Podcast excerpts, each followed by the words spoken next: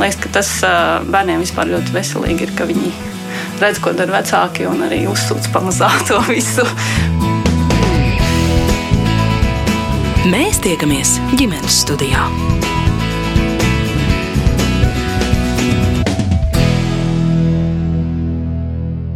Labdien! Artūrs Šilos ir ārsts rezidents radioloģijas specialitātē, Rīgas Stradiņu universitātes radioloģijas katedras docētājs un Latvijas Jauno ārstu asociācijas valdes priekšsēdētājs. Viņš ir arī Annas vīrs un pusotru gadu vecās meitiņas mājas tētis, un tulīt sarunā, kā iespējams salāgot jaunā ārsta profesionālās ambīcijas ar ģimenes dzīvi un cik liels izaicinājums tas ir būt ārstam Latvijā pandēmijas laikā. Es mērķis notiņu dodos pie Šilovijas diviem kādā darbdienas vakarā, un norunātajā laikā Artūrs man sagaida pie daudz dzīvokļu mājas kāpņu telpas ārdurvīm, lai man nebūtu jāmaldās un jāmeklē īstais dzīvoklis, bet, kad veram dzīvokļu durvis, sasveicināties ar mani steidzas mazā maija.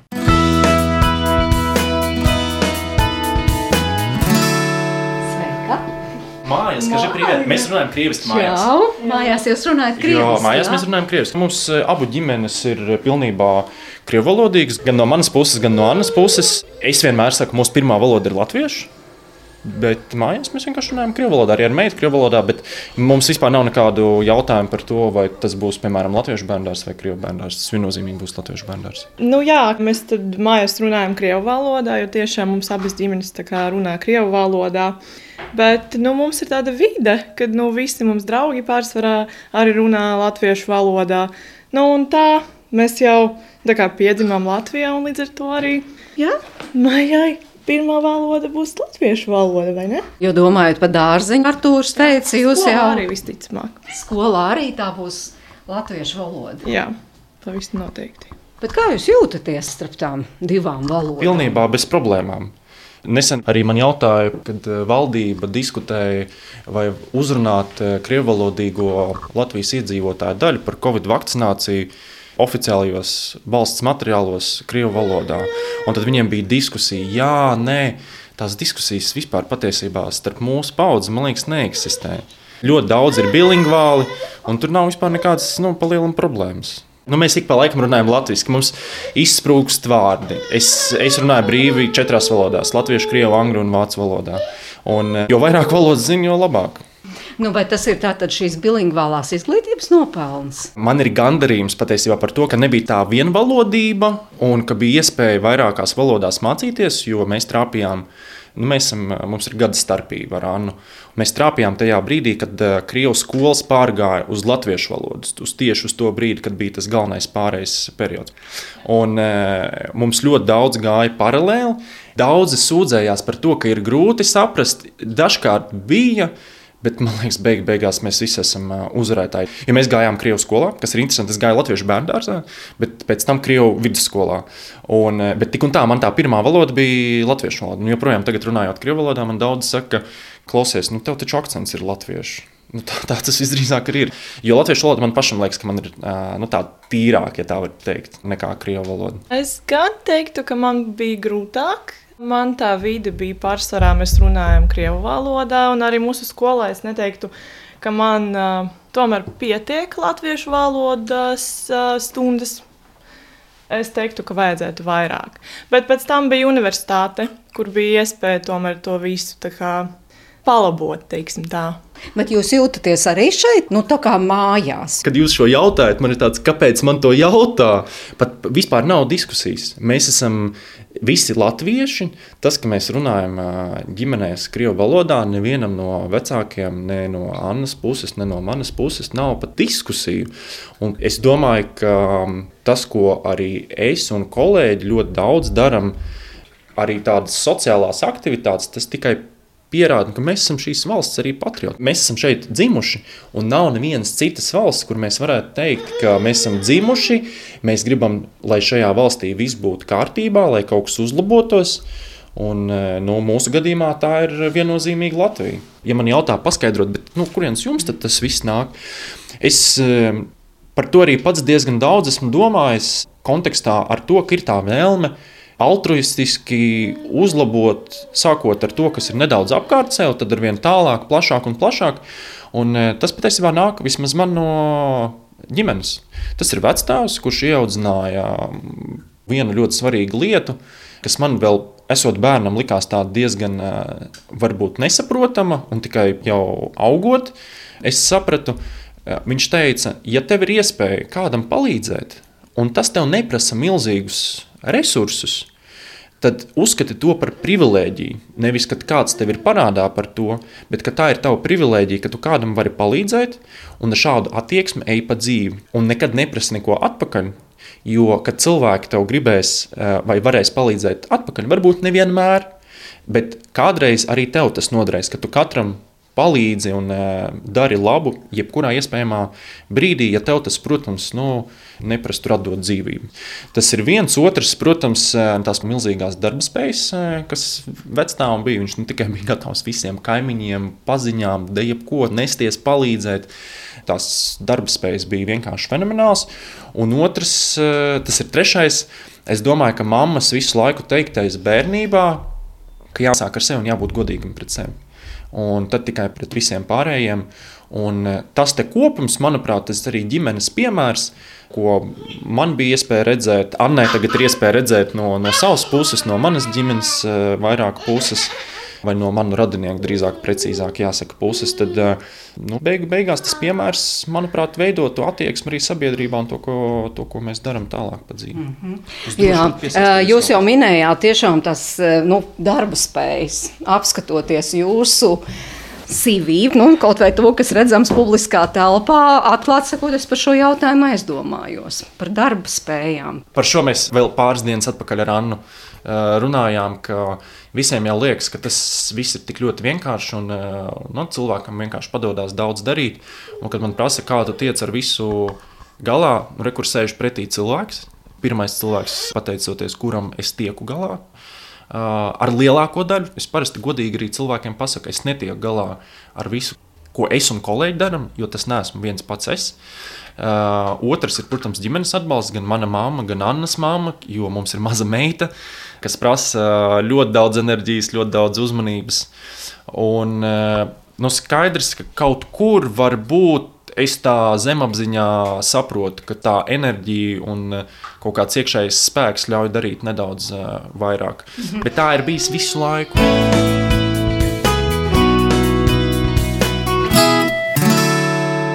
Jūs esat tagad ārsts vai joprojām rezidents? Lai raksturotu, kāda ir mana ikdiena, es esmu ārsts rezidents. Tas nozīmē, ka es esmu pabeidzis sešus gadus medicīnas fakultātē, man ir ārsta diploms. Tagad es strādāju pilnas slodzes darba rezidentūrā, es strādāju certificētā ārsta vadībā, bet tas ir pilnas slodzes um, darbs. Tad man ir uh, papildus tam darbam vēl naktas dežūras, naktas maiņas uzņemšanas nodaļā Austrumu slimnīcā. Tieši Gailezerā es strādāju Rīgas Stradiņu Universitātes radioloģijas katedrā, vadu arī dažus projektus Rīgas Stradiņu Universitātē nodarbojos ar pētnieciskiem darbiem. Un e, papildus tam visam vadu vēl Latvijas jauno ārstu asociāciju. Teiksim tā, ja iznāk kādas brīvas stundas, tad e, papildus tam arī vēl strādāju poliklīnikā ārs. Jā, tas laikam, tas laikam viss. Uh, es kaut ko nenosaucu. jā, tu visi nosauci. Jā. jā, Anna, kā ar to visur tik galā? Uh, godīgi sakot, ir grūti. Tiešām dažreiz ir ļoti grūti. Tas prasa ļoti daudz pacietības no manas puses. Tiešām paldies uh, manai un Artura mammai, jo es vēl joprojām studēju un es arī strādāju. Līdz ar to māja prasa, mūsu meitiņa prasa ļoti daudz laika un uzmanības. Un uh, tiešām es nezinu, ko mēs darītu bez mūsu mamām. Nu, jā, bet. Uh, Man liekas, tā tas ir arī kuru ārstu. Ja tev ģimenē ir ārsts, tad pavisam noteikti es pieļauju, ka ar to laiku ir ļoti tā, nu, švaki, teiksim tā. Nu, kāda ir jūsu profesija? Uh, es strādāju loģistikas jomā. Proti, es organizēju gaisa, jūras un dzelzceļa pārvadājumus pārsvarā no tālajiem austrumiem. Un tad arī es pildu muitas deklarantu funkcijas. Nu, es formēju dažādas muitas procedūras. Es pabeidzu Rīgas Tehniskās Universitātes bakalaura programmu muitas un nodokļu administrēšana tieši muitas virzienā. un tagad turpina studijas maģistrantūrā. Paldies Dievam, ir attālināti. Man jāsaka, ir ļoti daudz lietas, par kurām es varētu teikt, nu, kad tas beigsies.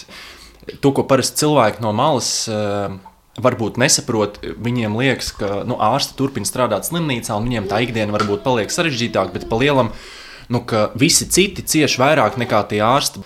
Vai, vai māsas, vai medicīnas darbinieki, bet man ir jāsaka, ka mēs arī esam ļoti, ļoti noguruši no viss, kas apkārt uh, notiek, un eh, tas darba sloks, eh, nu, nav tas, pēc kā mēs, eh, jāsaka, godīgi augstam, jo mēs nerunājam par pilnu slodzi darbu, mēs runājam visu kaut ko, kas ir divreiz praktiski vairāk. Bet ir arī, piemēram, nu, tādas nosacītas pozitīvas lietas, ka studijas ir attālināti, un tad mēs varam salāgot nedaudz to, to ikdienu, jo iepriekš bija tā, ka vakaros es varēju vēl nedaudz pastrādāt, tad tagad parasti Anna attālināti mācās vakaros, es vairāk pievēršu uzmanību maijai, un tad uh, kad māja jau aiziet gulēt, tad man vēl kāda pusotra, divas stundas, lai piebeigtu tos uh, gala darbus.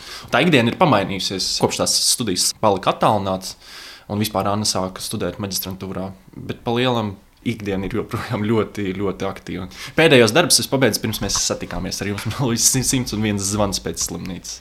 Jā, bet nu, tajā ieskanējās, tomēr ir laiks arī maijai Tas- vai miegam, piemēram. Es domāju, ka tas visvairāk cieši miegs.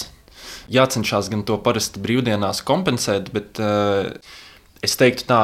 Es kaut kur jūtos uh, slikti par to, ka es varētu daudz vairāk laika veltīt uh, maijai.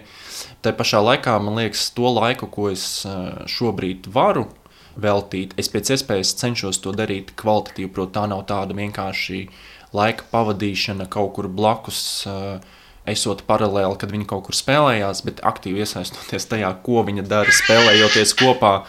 Ārsti ir tādi paši cilvēki ar ģimeni, bērniem, un tas, ka slimnīcā eh, mēs darām vienu, bet mājās jau tas ir kaut kas pavisam cits. Un, man liekas, tā atslēgšanās arī palīdz mazliet pēc smagām darba dienām. Nu, tu nevari atnākt depresīvs mājās, kad tev pretī skrien uh, maza meita, kas ir visu laiku priecīga un super, super enerģiska. Viņa jau arī ir viens no iemesliem, no kurienes tā enerģija rodas. Jā, nu labi, kā te jūs pavadāt divatā laiku ar māju? Ar māju eh, jūs varat redzēt, pilns, pilns ar visādām spēlītēm, mantiņām. Eh, Mēs varam sēdēt, skatīties multens kopā, runāt par to. Mēs varam kopā spēlēties, likt LEGO vai ar vis visādām mantiņām, kas, kas viņai ir. Eh, Mums ir ļoti daudz eh, tādu prātu, smadzenes attīstošas spēlītes, kur ir dažādas skaņas, eh, mācāmies, kā dzīvnieki runā. Mēs tagad varam palipoties, mēs esam iemācījušies, kā liela daļa no dzīvniekiem, ko saka, ko runā. Nu, tā tā ikdiena paiet. Protams, pastaigas. Kādreiz, protams, tas bija ar ratiņiem, tagad jau māja vairs nav gatava. Viņa pati visur grib skriet. Nu tā, un brīvdienās jāsaka, tas ir vēl viens noteikums, ka vienmēr nedēļā obligāti jābūt vienai brīvai dienai, kad mēs pavadām dienu pilnībā kopā. Es nevaru teikt, ka vienmēr man sanāk atslēgties, par ko man Anna bieži arī pārmet, bet tas ir tas uh, mīnus tādai dzīves, dzīves izvēlei, kur ir uh, gan liela organizācija, par kuru es atbildīgs, gan strādā medicīnā. Jo es domāju, ka tas ir viens no tuvākajiem mērķiem iemācīties pilnībā necelt telefonu un nolikt viņu pilnībā malā. Bet, diemžēl, šobrīd kaut kā nu, tas švaki sanāk. Bet vienai brīvdienai kopā ar ģimeni pilnībā jābūt. Tas ir tāds mūsu standarta noteikums. Bet dažreiz par to ir jāatgādina arī. dažreiz man tiešām ir jāatgādina viņam par to, ka mums ir jābūt vienai brīvdienai. Vismaz kādas piecas stundas, lai mēs varētu pavadīt kopā. Bet jā, mums ļoti patīk pavadīt uh, laiku brīvajā dabā. Mājai visvairāk patīk, man liekas, vai ne? Nu, ar Covid laikiem ir tā, ka mēs vairs nevaram tik bieži pavadīt uh, laiku kopā ar mūsu ģimenēm, jo mums ir tiešām ļoti lielas ģimenes. Bet mēģinām vismaz ar mamām satikties, vai pie vec vecākiem aizbraukt un arī māju parādīt, kā viņa aug. tā. Tad, jā, mājas, kad ir uh, nu, tāds nepārāk foršs laiks ārā, tad mēs, uh, kā jau Arthurs pieminēja, mēs skatāmies multinas kopā. Viņai ļoti patīk paskriet, kaut ko padarīt. Viņa visu laiku grib kaut ko darīt. Viņa ir ļoti aktīvs bērns. Līdz ar, līdz ar to mums vienmēr ir ko darīt. Jā. Jā, tiešām ļoti aktīvs un ļoti smaidīgs bērns. Viņi ir ļoti, viņi, viņi ir ļoti priecīgi. Jā, vienmēr. Tāpēc es saku, pat ja ir kaut kāds uh, smaga diena, un slikts noskaņojums, vai, vai vienkārši tas nogurums, ar viņu nevar nepriecāties. Es pat patiesībā neatceros, kad uh, ir, ir savi niķi, kad, kad uznāk, bet uh, ļoti, ļoti, ļoti reti. Mēs jau visu laiku smējamies, ka viņa Viņa to enerģiju noteikti iemantojas no, no manis, un es jau pats barojos no, no viņas enerģijas. Jā, bet jūs teicāt, lielas ģimenes jums ir? Jā. Mums, uh, gan man, gan Arthūram, tiešām ir lielas ģimenes. Un, uh, es pat atceros, kad mēs plānojam mūsu kārtas, mēs uh, mēģinājām saskaitīt, cik mums sanāk tie uh, radinieki. Tur sanāca ap 60 cilvēkiem kopā. Tas ir tie tuvākie. Tikai tuvākie. Jā, teiksim tā. Un tad mums bija tāds, uh, Tas nozīmē, ka jūs no daudz bērnu ģimenēm esat. Kas ir tās lielās ģimenes? Īsti, īsti nē, nu, Anna ir divas māsas, viņas ir trīs meitas. Manā gadījumā es esmu es un mana māsa, kas ir vienu gadu jaunāka. Mums sanāk daudz brālēnu, daudz māsītes un vecākiem, ļoti daudz radinieku, kas tepat Latvijā dzīvo. Vispār jāsaka, vismaz kas man liekas interesanti, ir ka tie vecāki nāk no ļoti dažādām valstīm. Tā ir Baltkrievija, Ukraina, Krievija ar saknēm no Polijas, kas nonākuši PSRS laikā šeit. Eh, vecāks ir bijis viens no TEC divi galvenajiem būvinženieriem. Eh, viņš bija pieaicināts šeit strādāt, būvējot vienu no svarīgākajiem teiksim, būvu objektiem, un tādā veidā vēlāk arī dabūjot dzīvokli. Patiesībā viņa, viņa ģimene, vecāta ģimene, izveidojās jau vēl ārpus, ārpus Latvijas. Viņa jau pārcēlās uz šejieni pēc tam. Un tad jau sanāk, jā, ka svētku laikā. Ja mēs kaut kur ir kādi, kādam dzimšanas diena, nu, tad tie nav mazāk par 20 cilvēkiem. Nu, 15, labi, teiksim, 15 tas ir minimums, laikam, kas ir jāsaka, ar ko ir jārēķinās. Nu, vidēji tie varētu būt 20 eh, cilvēki, kad mēs eh, kaut kur eh, kādu dzimšanas dienu vai svētkus svinam. Tad mazāk nemēdz būt. Ja tās vēl ģimenes visas sanāktu kopā, nu, teica, jā, tie jau tikai tuvākie sanāktu ap 60 uh, cilvēkiem. Vai par manu ģimeni? Uh, nu, mani vecāki nāk no Krievijas. Tad no tēva puses ir arī no Ukrainas. Mana vecmāma no mammas puses strādāja visu savu mūžu šeit, Latvijā, nostrādāja par uh, Latvijas dzelzceļa galveno grāmatveidi, un uh, vectēvs strādāja par uh, inženieri.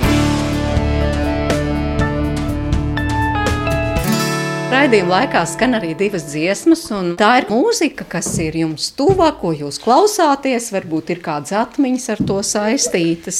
Es uzreiz varu pateikt, tas ir kaut kas no Dona. Pagā! Tās dziesmas nosaukums bija Pāriet bailes. Bet kāpēc Dons? Nezinu, man ļoti patīk.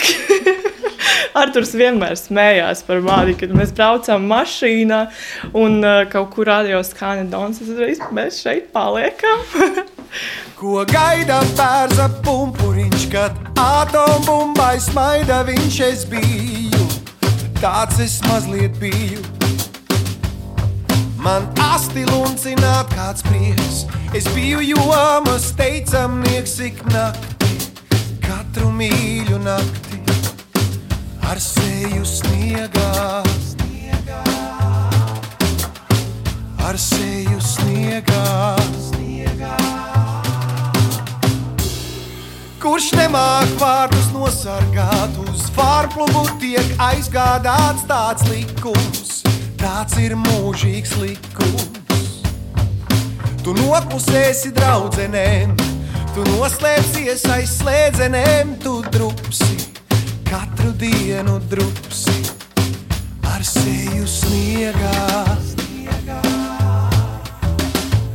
Ar seju sniegā. Sāk pāriet bailes,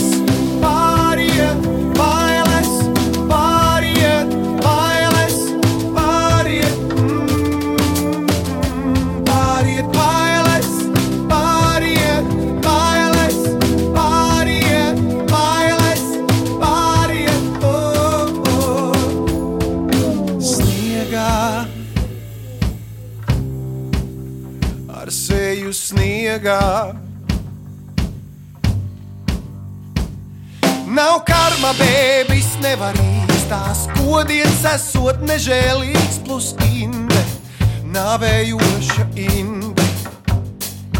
Kāds atrauc mūsu libido ar spaiņiem ņems un sasmels to, cik stulbi, ak, cik tas ir stulbi, ar seju sniegā. Sniegā. Ar seju sniegā. Ar seju sniegā, sniegā, sniegā.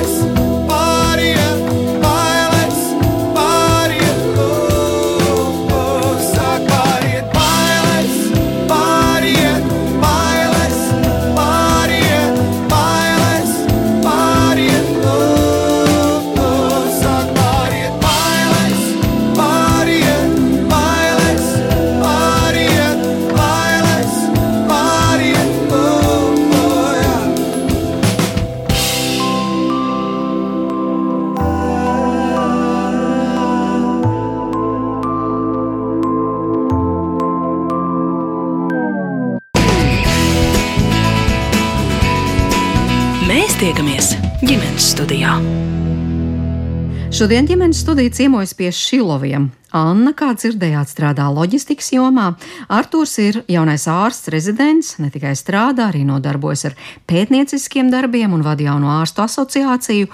Kaut kļūt par ārstu nebija viņa bērnu dienu sapnis, tomēr netieši uz to pamudinājis vectētiņš. Tēvs man, diemžēl, gāja bojā, kad man bija četri gadi au- autoavārijā. Tā kā man e, sanāk vectēvs un e, mammas divi brāļi, kā tādi nu, galvenie, ja mēs runājam par tādu vīriešu piemēru, tad viņi bija tie, kas e, tādi galvenie piemēri bija. Nu jā, bet jūs esat vecāks teica, ka svarīgi ir darīt kaut ko labu cilvēkiem.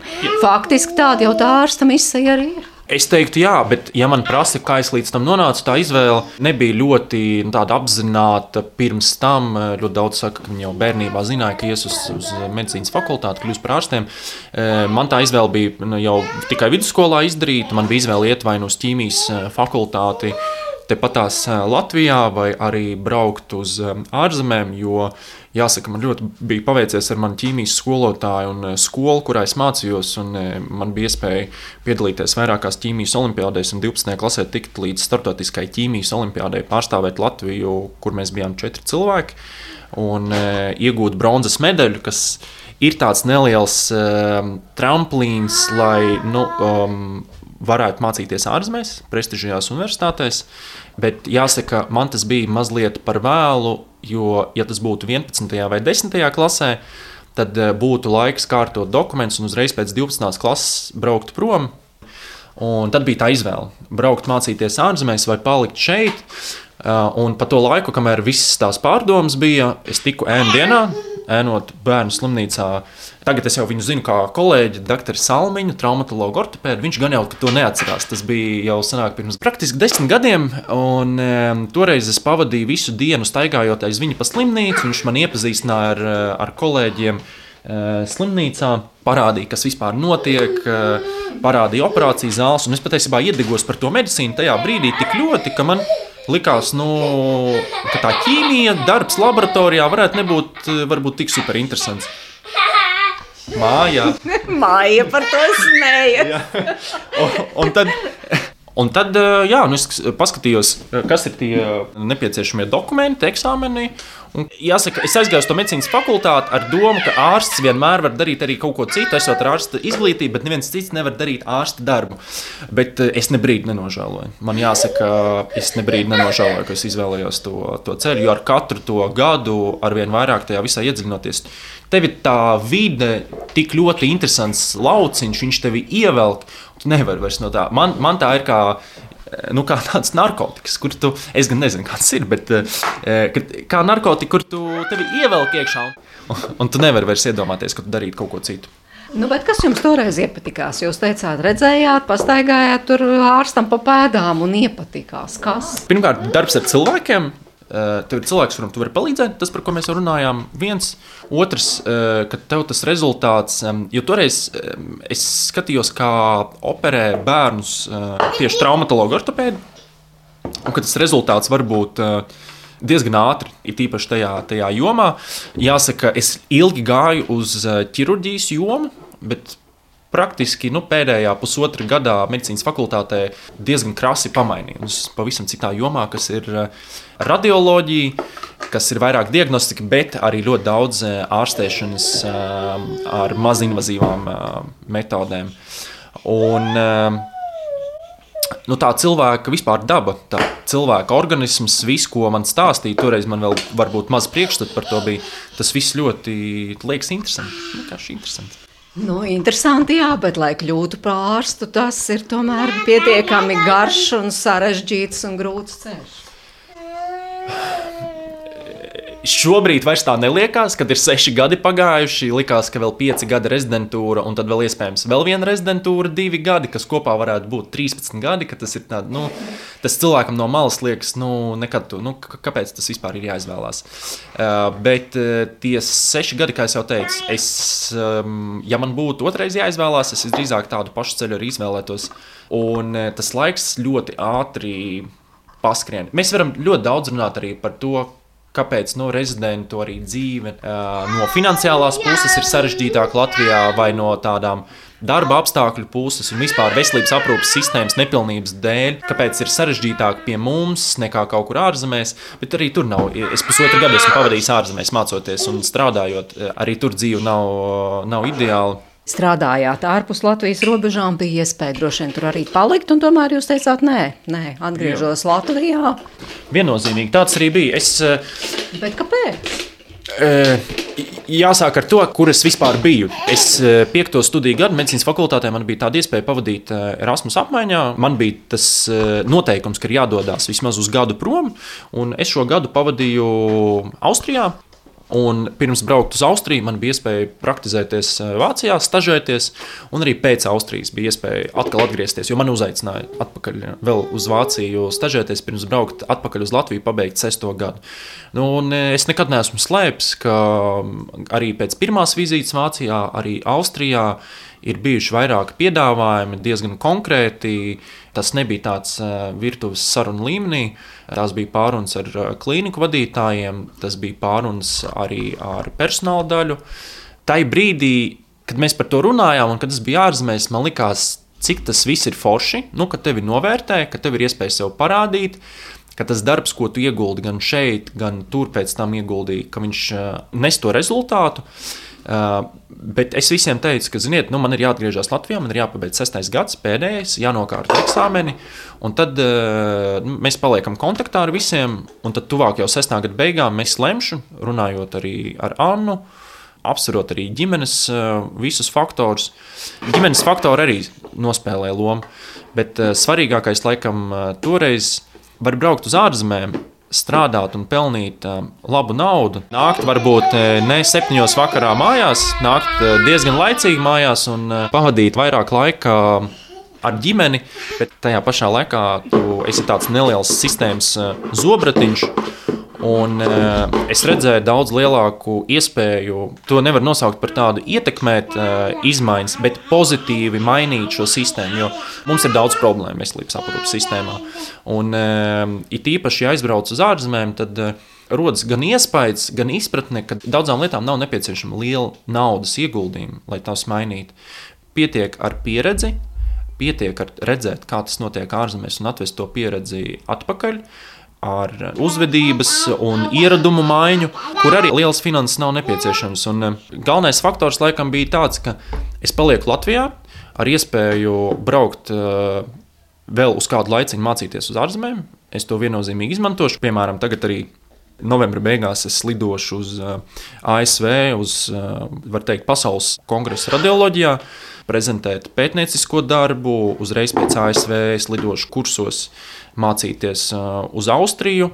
Un es vienmēr arī kolēģiem slimnīcā esmu teicis, ka es nekad neizslēdzu iespēju aizbraukt tā, kā tas bija medicīnas fakultātes laikā, uz gadu, divus. Mēs ar Annu par šo ļoti daudz arī runājam, bet vienmēr atgriezties.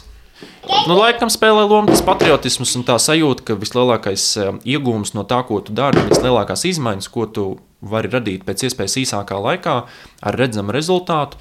Un tās ir iespējams šeit, eh, šeit Latvijā. Un tā, ir, tā ir viena lieta. Otra lieta, kas eh, mums Latvijā kā nekur, un to cilvēku, kas nav bijuši ārzemēs, varbūt nespēja novērtēt, mums Latvijā pie tik zema cilvēku resursu skaita veselības aprūpē ir iespējas ļoti ātri augt. Mēs ehm, ļoti ātri varam mācīties, mums ļoti ātri uztic eh, lielu atbildību, mums ļoti ātri uztic ārstēt pacientus un darīt to, ko ārzemēs tam prasītu daudz, daudz vairāk laika. Un pat ja mēs tik pa laikam sūdzamies, ka ilgs tas posms no tās mācībām, un eh, tad rezidentūra, un tad vēl kādu laiku pieredzi jāiegūst, tad patiesībā ārzemēs to var pareizināt ar eh, vismaz reizi divi. Jā, bet Anna, ko jūs par šo domājat? Nu, labi, iespējas ātrāk augt, kā Arthurs teica, bet nu, finansiālā puse, kas ģimenē, piemēram, ir arī ļoti svarīga. Tā taču tomēr ir nesalīdzināma. Kā tas būtu tur un kā ir šeit? Es nezinu, godīgi sakot, nekad neliku to finansiālo daļu kā kaut kādu primāru. Jo jā, mēs tiešām ļoti daudz runājam par to. Un Arthurs man vienmēr prasīja, vai es būtu gatava braukt viņam līdzi. Uh, Bet es, nu, es nezinu, godīgi sakot, mēs arī ļoti daudz ceļojam, un man vienmēr bija tā sajūta, ka nu, tomēr mājās man ir daudz kā, mierīgāk, un nezinu, nu, man nekur nav tik labi kā mājās. Līdz ar to mēs tā kā runājam, un manā atbilde vienmēr bija, ka nu, es Visticamāk, es arī braukšu tev līdzi, bet es tomēr ļoti gribētu palikt Latvijā. Atgriezties. Nu, atgriezties, bet man bija tas uzsvers uz to, ka nu, tomēr es gribētu palikt Latvijā. Jā, bet jā, tas finansiālais vismaz priekš manis nav primārais. Nu, Tā ir. Bet tas tiešām nav svarīgi. Jums nu, tomēr, ja mēs salīdzinām tās iespējas nopelnīt šeit un tur, nu, noteikti ir liela atšķirība. Ārzemēs, eh, it īpaši Vācijā, kur es arī ilgu laiku biju, sākot jau ar rezidentiem, ārsti ir nodrošināti tādā līmenī, ka viņiem nav ne par ko citu jādomā. Tie ir labākie dzīves gadi, tas ir vecums no 25 gadiem līdz 35, kad ir aktīvākais tāds mācīšanās periods un tāds klīniskais periods. Tad sākot no 35 vēlāk līdz nu, 50 gadiem ilgs tas posms, kad enerģijas pilni cilvēki. Eh, ārsti realizē to visu potenciālu. Un eh, ļoti daudz man vienmēr saka, jā, bet paskatieties, es nepazīstu nevienu ārstu, kuram nebūtu privāta mājas vai mašīnas, labas no salona. Eh, un es vienmēr šiem cilvēkiem saku, cik tam ārstam ir gadu Latvijā? Un, e, kad viņi tā padomā, un tie ir ārsti, kuriem ir 45, 50 gadi, un, e, man liekas, tas ir pilnībā atbilstoši, ka šādā vecumā ārsts var atļauties sev tādas lietas. Bet jāsaka, ka Latvijā ļoti bieži sanāk, ka līdz šim tas ārsts ir tik ļoti nostrādājies un e, tik ļoti nebijis ar ģimeni, ka tās mašīnas un mājas pēc tam to visu neatmaksā. Nu, tam vispār vairs tajā vecumā nav jēgas un vairs neko vispār negribās. Un es ļoti daudzos kolēģos šo redzu, ka viņi jau līdz vecumam, kas ir 45, 50 gadi, ir tik ļoti nostrādājušies šajā sistēmā, ka viņiem vairs neko, neko nevajag. Savukārt, nu, ārzemēs ir vairāk tāda ilgtermiņa domāšana, cilvēki atbilstoši pelna un viņi ilgstoši ir spējīgi tajā sistēmā strādāt, kad viņi nav pārstrādājušies, kad viņiem ir laiks ģimenei, kad viņiem ir laiks um, atpūtai, viņiem nav jādomā par finansiālo pusi. Un viņam tas jau sākas no agrīna perioda. Arī medicīnas studenti, par ko e, e, es cenšos ik pa laikam arī atgādināt un runāt, arī medicīnas studenti saņem daudz uh, stipendijas, lai viņiem nevajadzētu domāt. Man, piemēram, es, uh, kad es mācījos, mums bija vairākas aptaujas, cik daudz no kolēģiem, medicīnas uh, studiju biedriem strādā kaut kāds papildus darbs. Un tie pārsvarā bija naktas maiņas, jo pa dienu ir jāmācās. un tad var pastrādāt tikai uh, naktas maiņas. Vismaz puse no medicīnas studentiem strādāja kaut kur. Tad iedomājieties, ja ik pēc uh, trim dienām jums ir naktas maiņas, pēc kuras atkal jāiet studijās. Uh, protams, daudz pierod pie tāda režīma un vēl spēja mācīties. Bet, uh, ja par šo stāstu kaut kur ārzemēs, pavisam cilvēki nesaprot. Galīgi, galīgi nesaprot, kā tas var būt. Nu jā, bet tad jūs nebaidāties no tās izdegšanas, jo tas vāveres ritenis, kādā jūs šobrīd tur griežaties. Um, mēs esam tādi vairāki cilvēki, gan uh, šobrīd aktīvāki jauno ārstu asociācijas komanda, gan uh, arī iepriekšēji aktīvie cilvēki, kas ļoti daudz strādā un kuriem ļoti daudz tas enerģijas potenciāls. Uh, vai tā ir normāli, ka tik daudz vajadzētu strādāt? Mēs visi viennozīmīgi sakam, ka nē vajadzētu būt adekvātam darba laikam. Būs vienmēr atsevišķi cilvēki, kas būs gatavi strādāt kaut vai septiņas dienas nedēļā, un viņiem būs vēl tālu līdz izdegšanai. Bet uz visiem mēs to noteikti nevaram attiecināt. Un te nu, es piekrītu, jā, tā izdegšanas robeža ik pa laikam jau tādas uh, domas uh, rodas, ka vajag paņemt to pauzi. Bet es vismaz par sevi varu teikt, ka es cenšos būt objektīvs. Tad, kad tā sajūta pienāk, tad es zinu, ka šis ir brīdis, jāpaņem pauze, mazliet jāapstājās. Divas dienas uh, atpūta, pilnībā atslēgties. Mēs bieži, ja ir labs laiks, braucam kaut kur uh, vai nu pastaigāties dabā, vai nu noīrēt kaut kur attālā apvidū mājiņu, pilnībā atslēgties no, no visa, un tad tas palīdz atgriezties um, atpakaļ dzīvē. Bet es saku, tā nav jābūt. Nu, tādai ikdienai nav jābūt normā visiem. Mēs to nevaram no visiem arī prasīt. Tas ir iemesls, kāpēc mēs cīnāmies par algām, par darba apstākļiem, par, par ieradumu maiņu, par tradīciju maiņu. Jo ļoti bieži tas, ko mēs ar kolēģiem, mums tas uzskats arī no vecākās paudzes, ka ārsts ir tāds tā kā mašīna, tā kā robots. Viņam ir jāstrādā, ko nozīmē trauksmes sajūta, vai ko nozīmē, ka tu kaut ko nevari.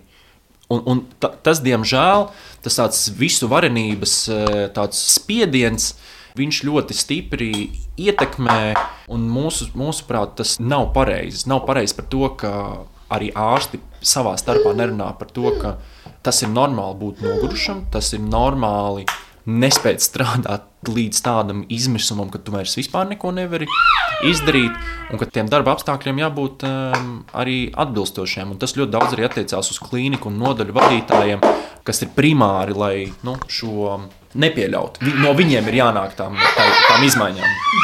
Jā, starp citu, iedomājos, pirms kāda laika mums arī studijā bija tāda saruna ar jaunajiem tētiem, un, un tad ir tā doma, ka varbūt Latvijā varētu arī būt tā kā, piemēram, Skandināvijas valstīs, kur šo, piemēram, bērnu kopšanas atvaļinājumu dala uz pusēm mamma un tētis. Un tas ir faktiski nu, obligāti. Vai vispār kaut kas tāds varētu notikt? Es domāju, ka Arturam būtu ļoti grūti šo izturēt, jo viņš tiešām dzīvo ar darbu. Un, nu, tiešām gadās, kad viņam vajadzēja pasēdēt tur vismaz vienu dienu ar māju, tad viņam bija nu, daudz lielāks nogurums no tās vienas dienas ar māju kopā nekā, piemēram, pēc nedēļas uh, darbā. Nu, kā, es domāju, ka viņam to tiešām būtu ļoti grūti izturēt. man, man gan pašam liekas, ka tā ir jābūt brīvai izvēlei, un tādai iespējai jābūt. Te ir drīzāk jautājums par to, ka mums pat tādas izvēles nav. Man patīk, ka par to sāk runāt. Uh, es pieņemu, ka ir cilvēki, kuri to noteikti izvēlētos. Uh, ārstiem tā problēma laikam ir tāda, ka es ļoti cienu kolēģis ārstes, kas uh, ir īpaši rezidentes, kas uh, aiziet dekrēta atvaļinājumā un tad atgriežas un tad turpina to karjeru.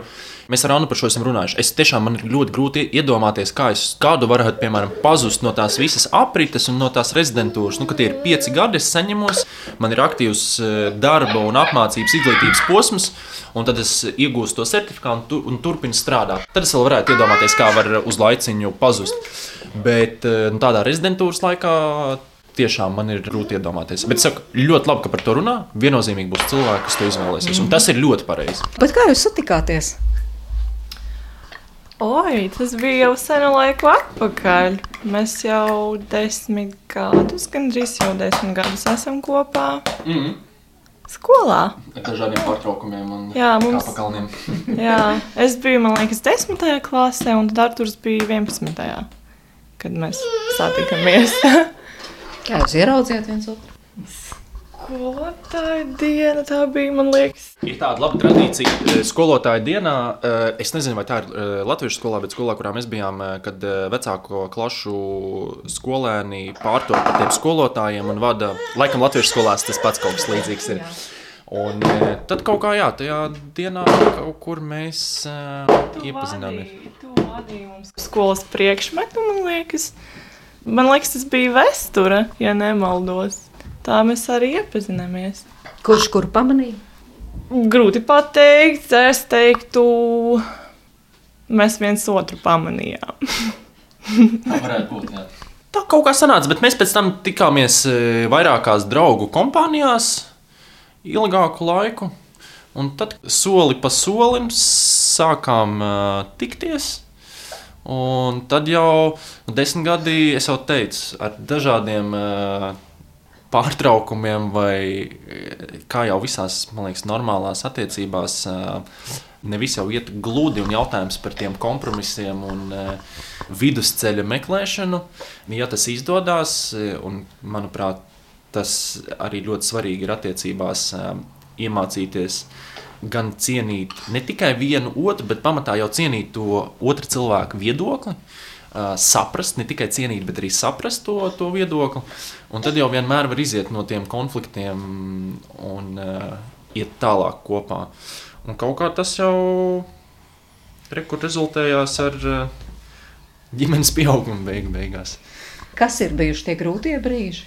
Bija grūts tas gads, kad Arthurs bija prom tieši tajā Erasmus programmā, kad uh, nu, tas attālums tomēr dara savu darbu. Uh, grūti, ka tu nevari jebkurā brīdī sazvanīt cilvēku, jebkurā brīdī satikties, pārunāt.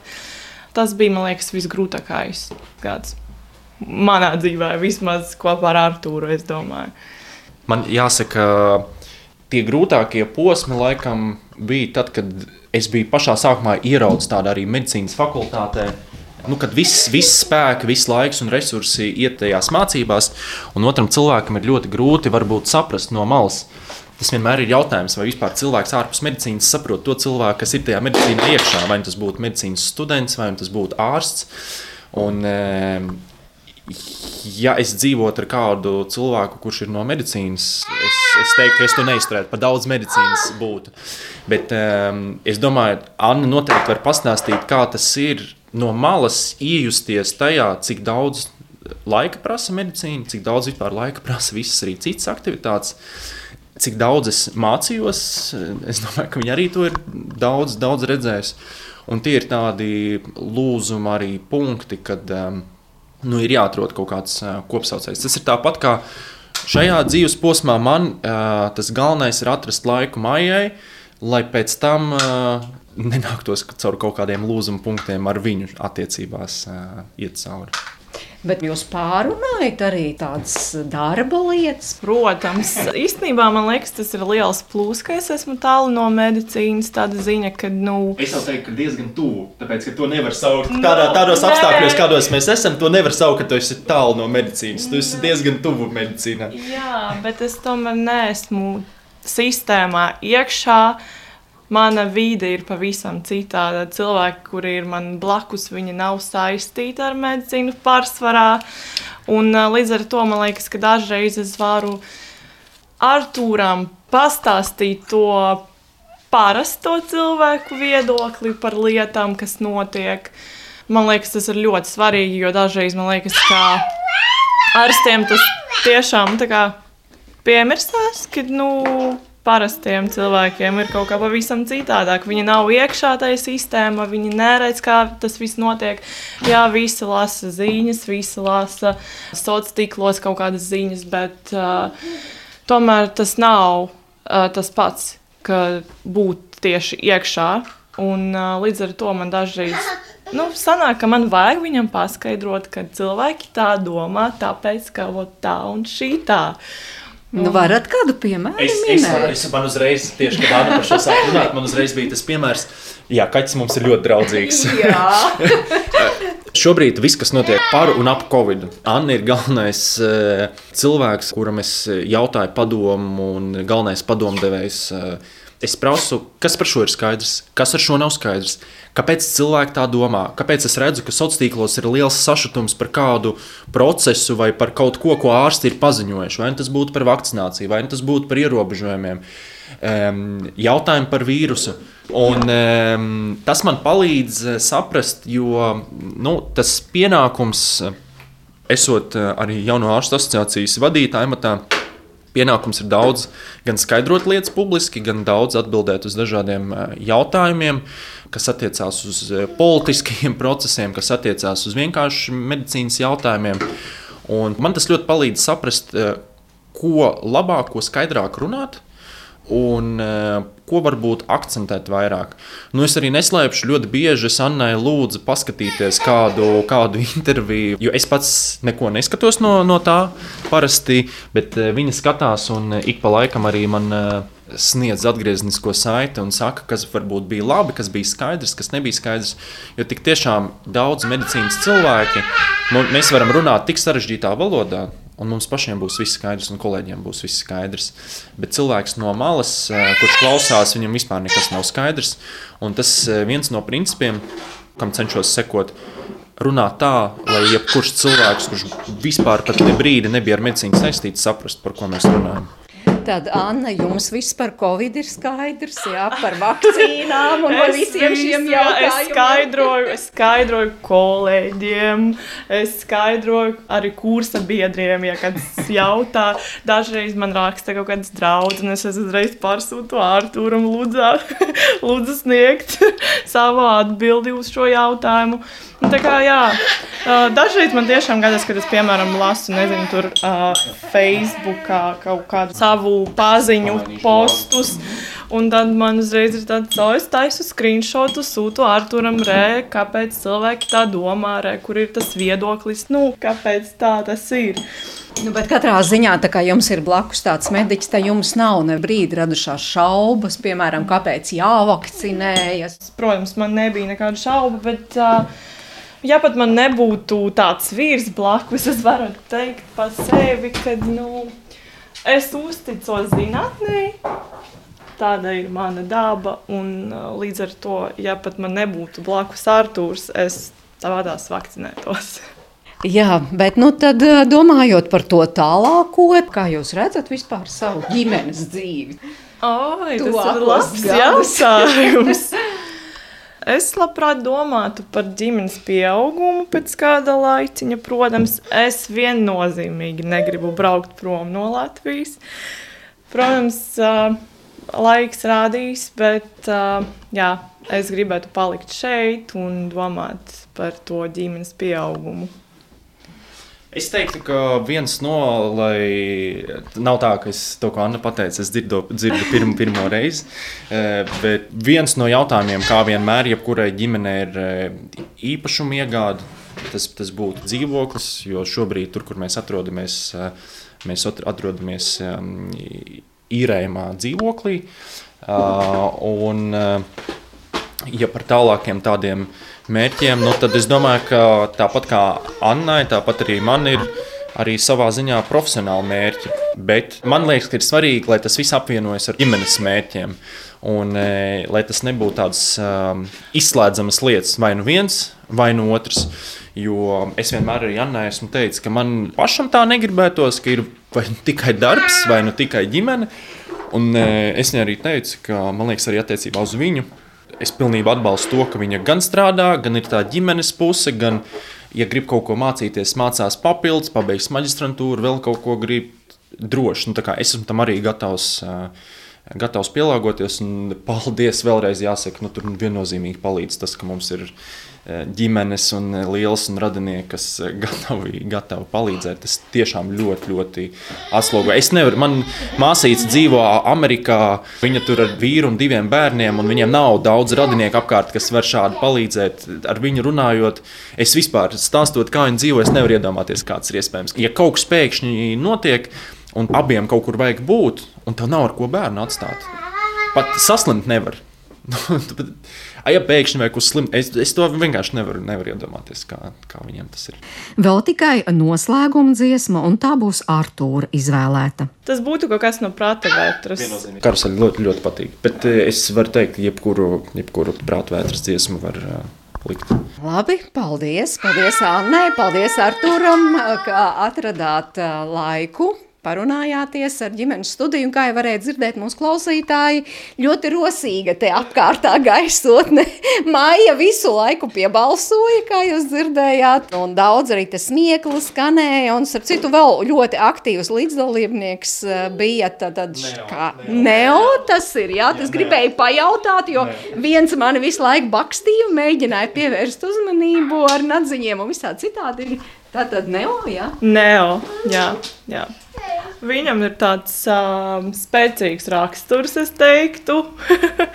Līdzīgs Arthūram, man liekas. Jāsaka, paldies draugiem, mūsu ģimenes draugiem, kuriem bija sanācis tā, ka viņi atrada kaķeni Meinkūnu.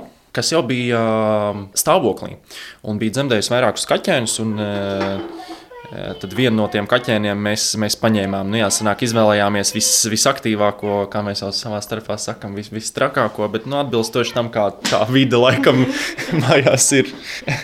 Nu, tad paldies Šilo ģimenei, un uh, tas no raidījuma ģimenes studijas, no mūsu producents Ilzas Zvaigznes, arī no Girta Biša, kurš ir mūsu mūzikas redaktors, uh, Noras Mitspapas, kur rūpējas par raidījumu apskaņu, un, protams, arī no manis, uh, no Mairītas Notiņas. Paldies, ka klausījāties, un tiekamies atkal citā raidījumā.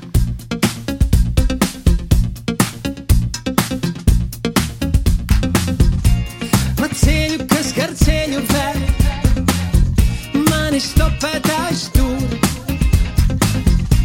Nav divu domu jāpaņem, kur tevi aizvest, kur. Siltie vasaras vakari, kad auto ir nolaists jums. Cik labi tā, ka pašā pamatā nav nekāda iemesla